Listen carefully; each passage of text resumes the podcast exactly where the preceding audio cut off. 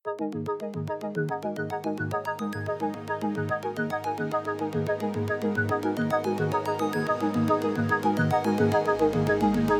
datang di podcast Penasaran Digital, di mana saya akan membahas digital marketing dan bisnis dari perspektif yang strategik. Bersama saya, William Jakfar.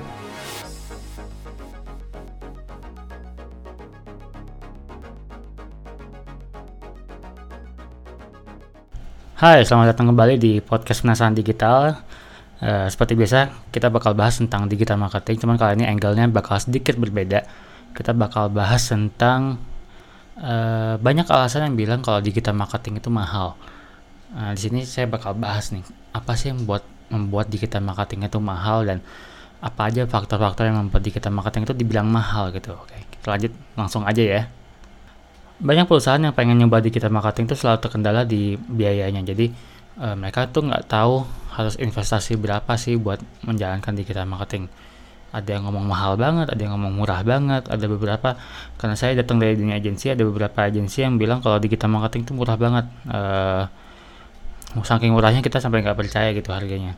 Ada yang bilang mahal banget dan itu bikin perusahaan tuh ya takut gitu. Kalau misalnya investasi yang nggak jadi apa-apa kan rugi juga. Nah di sini tuh uh, bikin perusahaan tuh hati-hati karena ini kayak medan yang mereka belum tentu tahu apa yang mereka bakal dapatkan. Ekspektasinya juga kan bisa gede-gede banget. Jadi banyak uh, dilema-dilema di, di dirasakan oleh perusahaan lah. Kebanyakan perusahaan tuh ngelihat digital marketing atau uh, digital secara keseluruhan IT lah uh, mahal tuh karena proses pembuatannya output yang bisa dilihat. Contoh misalnya sudah bikin website uh, bikin app digital. Kalau bikin misalnya bikin kayak gitu hitungannya pasti uh, tergantung sih. Ada ada yang mahal ada yang murah cuman biasanya lebih mahal. Karena itu uh, perlu requirement khusus ada fitur-fitur yang harus dihubungkan dan sebagainya. Ada juga yang anggap digital marketing itu mahal karena campaignnya harus viral. Uh, gue mau semua masyarakat Indonesia tuh tahu tentang perusahaan gue dan harus beli produk brand gue viralnya tuh untuk tujuan apa? Nggak tahu. Pokoknya viral aja bisa masuk internet anak gue bisa ngomongin. Nah itu biasanya mahal tuh karena banyak uh, semakin banyak orang yang pengen dicakup ya sisi strategi yang dipikirin penyebarannya distribusinya mau di channel apa aja terus sisi kreatifnya mau kayak gimana. Itu hal-hal yang bikin mahal banget nih. Nah di kita marketing nggak harus selalu uh, basisnya IT base uh, coding dan sebagainya ataupun juga basisnya langsung viral. Cuman memang uh, selalu pembuatan yang sifatnya uh, terlokalisir di sebuah uh, platform. Misalnya kayak bikin website atau bikin app itu uh, biayanya cenderung lebih mahal dibanding kita memanfaatkan platform yang sudah ada. Contoh Instagram, Facebook, LinkedIn dan sebagainya. Itu kita cenderung lebih murah. Bikin website juga sekarang nggak nggak semahal-mahal itu juga karena banyak platform-platform yang biayanya bisa jadi variabel jadi kayak ada platform uh, kalau buat e-commerce itu kita bisa pakai Shopify, Silklo uh, kalau website itu kita bisa pakai WordPress, Wix, Squarespace. Jadi uh, biaya yang jadinya yang tadinya gede di awal bisa jadiin variabel jadi kita bisa perusahaan itu bisa lebih hati-hati lah. Untuk kalau misalnya ada jadi ada justifikasi baru bikin yang bagus gitu. Nah pembuatan yang cukup mahal itu sebenarnya kalau menurut saya sendiri biaya digital tuh harus dikeluarin tuh dari sisi strateginya. Strategi itu mau kayak gimana sih? Jadi uh, kebanyakan perusahaan pindah masuk ke digital marketing itu uh, yang kelihatan karena paling gampang kelihatan itu yang di depan mata ya konten uh, websitenya seperti apa logonya seperti apa padahal strateginya nih yang yang mahal nih. Uh, apa yang perlu dilakukan kompetitor kayak gimana sih uh, landscape marketnya seperti apa apa target yang pengen dicapai. Menyambungkan itu semua ke digital marketing biasanya agak mahal tuh. Tapi buat mulai doang biasanya nggak terlalu. Jadi biaya yang dikeluarkan di digital marketing biasanya terlokalisir. Ada ada biaya yang cukup mahal jadi kayak website app. Pembuatan konten juga cukup mahal karena konten nyawa di digital. Uh, konten tuh macam-macam sih. Jadi pembuatan konten itu kalau misalnya sifatnya uh, grafis gambar itu biasa uh, lebih mahal dibanding yang uh, copy dong atau copy copywriting itu maksudnya hanya tulisan. Yang video lebih mahal lagi karena itu ada gerak grafisnya ada storyboardnya. Jadi resource yang harus, harus dibutuhkan tuh semakin mahal. Uh, ada lagi format-format baru kayak audio kayak sekarang podcast atau infografik dan sebagainya uh, biasanya tergantung nih ya. Jadi uh, kemampuan perusahaannya seperti apa? Apakah mereka punya kapab kapabilitas copywriting atau desain yang cukup oke? Okay? apakah mereka punya resource-nya?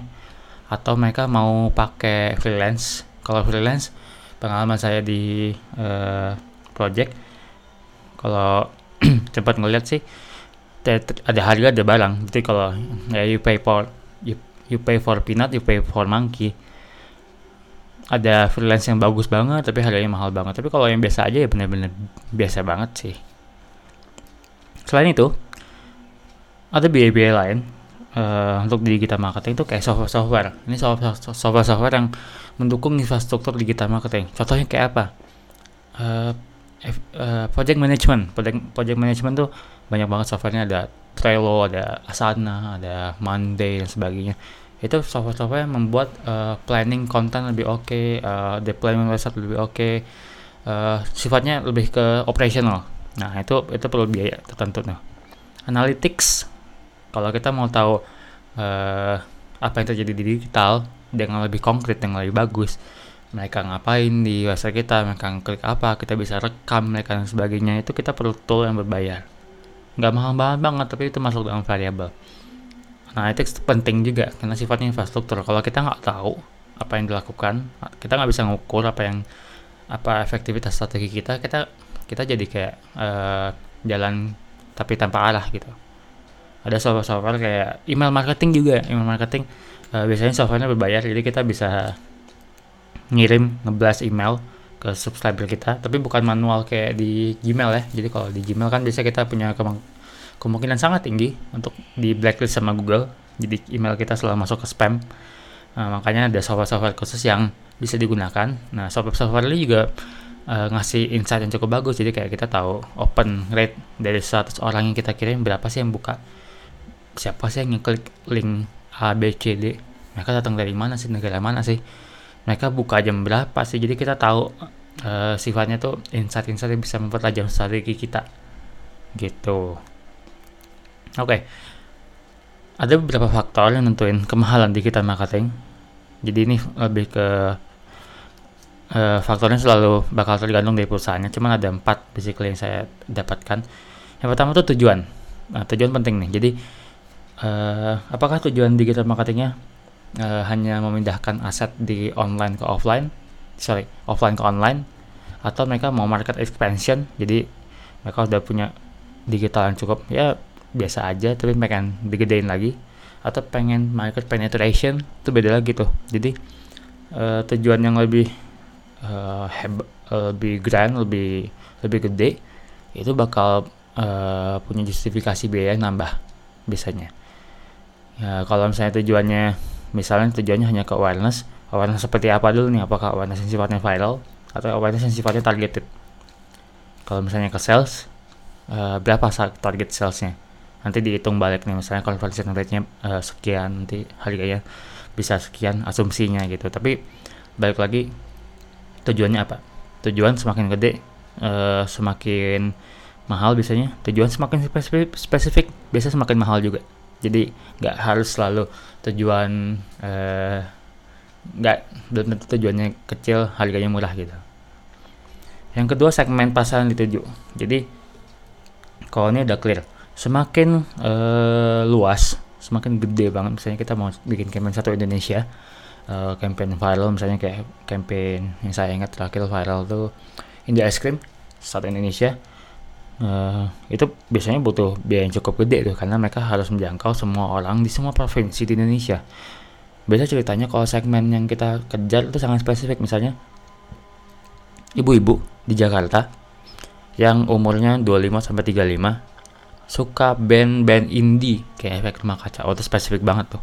Mungkin audiensnya hanya uh, puluh ribu mungkin. Jadi kita ya bisa lebih bombardir lah ke mereka. Cuman segmen yang semakin kecil juga butuh treatment yang semakin kecil karena kita harus diversifikasi per, uh, strategi kita juga nggak bisa cuman satu segmen dong yang kecil terus kita berharap ada justifikasi biaya karena kalau satu gagal ya semuanya langsung gagal cuman segmen bakal nentuin biayanya yang ketiga channel digital yang dipakai nih. Nah perusahaan pengen akses di mana aja nih. Mereka pengen akses di Facebook Instagram LinkedIn uh, blog pengen punya blog pengen punya YouTube. Itu punya sem semakin banyak channel yang dipakai semakin banyak channel yang di maintain semakin mahal biayanya. Uh, karena uh, treatment semua sebuah channel tuh treatmentnya nggak bisa sama. Ada channel-channel yang punya karakteristik tertentu sesuai segmennya yang nggak bisa di, di copy paste doang kontennya biasanya. Kayak YouTube tuh beda banget tuh sama Facebook. YouTube tuh lebih butuh konten yang sifatnya entertainment. Facebook mungkin sifatnya informatif. Nah itu kita perlu treatment dengan beda. Semakin banyak channel yang kita pakai semakin uh, gede biaya manajemen channel dan konten yang bakal kita bikin. Oke, okay. yang keempat ini agak normatif tapi kekuatan brand. Kekuatan brand itu bisa nentuin apakah biaya strategi kita mahal atau murah. Jadi pertanyaan pertanyaan sederhananya adalah ap, uh, apakah perusahaan punya aset yang bisa diangkat dan bisa diamplifikasi di digital. Uh, ada banyak perusahaan yang yang kasarnya tidak punya ciri khas khusus itu biasanya bakal ketemu kesulitan untuk nentuin positioning di listnya sendiri. Jadi orang tuh tahu pernah lihat iklannya doang pernah lihat postnya doang tapi dia nggak punya ciri khas khusus. Nah itu biasanya butuh strategi khusus untuk bikin orang aware terhadap dia. Karena simply ngeliat doang belum tentu aware. Mereka harus punya positioning khusus terhadap satu brand uh, kita. Kalau misalnya punya bakal lebih gampang. Karena kita tinggal mengamplifikasi apa yang sudah ada. Nah itu itu biasanya strateginya nggak sebanyak effortnya dibanding yang sebelumnya. Karena e, misalnya perusahaan sudah punya kredibilitas di pasar tertentu. E, let's say perusahaannya perusahaan B2B yang sudah yang e, excel di pasar-pasar let's say BUMN dia bisa angkat itu. Jadi jadi sebuah aset yang digunakan untuk buat orang-orang percaya bahwa dia tuh kredibel sekali. Nah itu bisa bisa ya itu itu bisa jadi start yang cukup bagus lah cuman kalau misalnya benar-benar nol banget generik banget let's kayak uh, toko kelontong di pasar. Ya semua toko kelontong mirip gitu. Kalau misalnya toko kelontong mau disama-samain ya susah jadinya. Karena kita nggak bisa benar-benar tahu apa yang terjadi di sana. Dan biasanya uh, banyak eksperimen yang dilakukan jadinya. Kita coba A coba B coba C untuk ngeliat mana yang berhasil. Itu yang biasa bikin mahal. Jadi eksperimen-eksperimen yang kita harus lakukan supaya strategi digitalnya berhasil oke. Okay. uh, eh, segitu aja sih sebenarnya faktor-faktornya. Jadi kalau mau disimpulin seberapa mahal digital marketing tergantung. Tetap tergantung. Tapi uh, ada digital ini balik lagi ke uh, appetite perusahaan. Mereka mau nyoba segede apa sih? Segede apa budget mereka dan sebagainya. Uh, bisa yang yang selalu saya dan uh, rekan kerja saya di kantor lakukan itu ya kita bikin tahapannya dulu nih. Jadi kalau misalnya perusahaan uh, belum terbiasa masuk ke digital kita bikin tahapan-tahapannya dulu. Let's say tahun pertama kita bikin presence mereka oke. Okay. jadi orang tahu mereka pindah ke digital. Mereka punya website yang oke okay, mereka punya uh, validasi orang ngontak engagement dan sebagainya. Tahap kedua pindah baru kita hadir di semua sosmed. Kalau yang sebelumnya kita hadir di sosmed-sosmed yang menurut kita oke. okay. Kalau sekarang di semuanya kita punya YouTube dan sebagainya tapi itu hanya dilakukan setelah tahap sebelumnya ada KPI yang berhasil. Jadi uh, biayanya bisa bertahap dan itu biasanya lebih menyenangkan buat perusahaan karena mereka bisa prediksi apa yang bakal mereka harapkan. Kebanyakan tahapan-tahapan inilah yang bisa nentuin uh, transformasi digital. Karena transformasi di, digital yang dilakukan perusahaan nggak nggak hanya harus dilakukan oleh eh kita punya website eh kita punya sosmed eh kita punya iklan dan sebagainya. Tapi juga harus dari internal internal perusahaannya. Mereka harus aware juga kalau ini adalah tool yang sangat powerful yang emang sekarang semua orang pakai. Jadi mereka harus internalisasi dan itu biasanya butuh waktu. Gitu. Jadi uh, sekian. Thank you semuanya Terima kasih telah mendengarkan podcast Penasaran Digital. Simak episode lainnya serta info-info yang saya sebutkan di williamjakfar.com podcast. Jika ada feedback maupun pesan bisnis, silakan kunjungi informasi kontak saya di williamjakfar.com kontak. Saya William Jakfar, see you.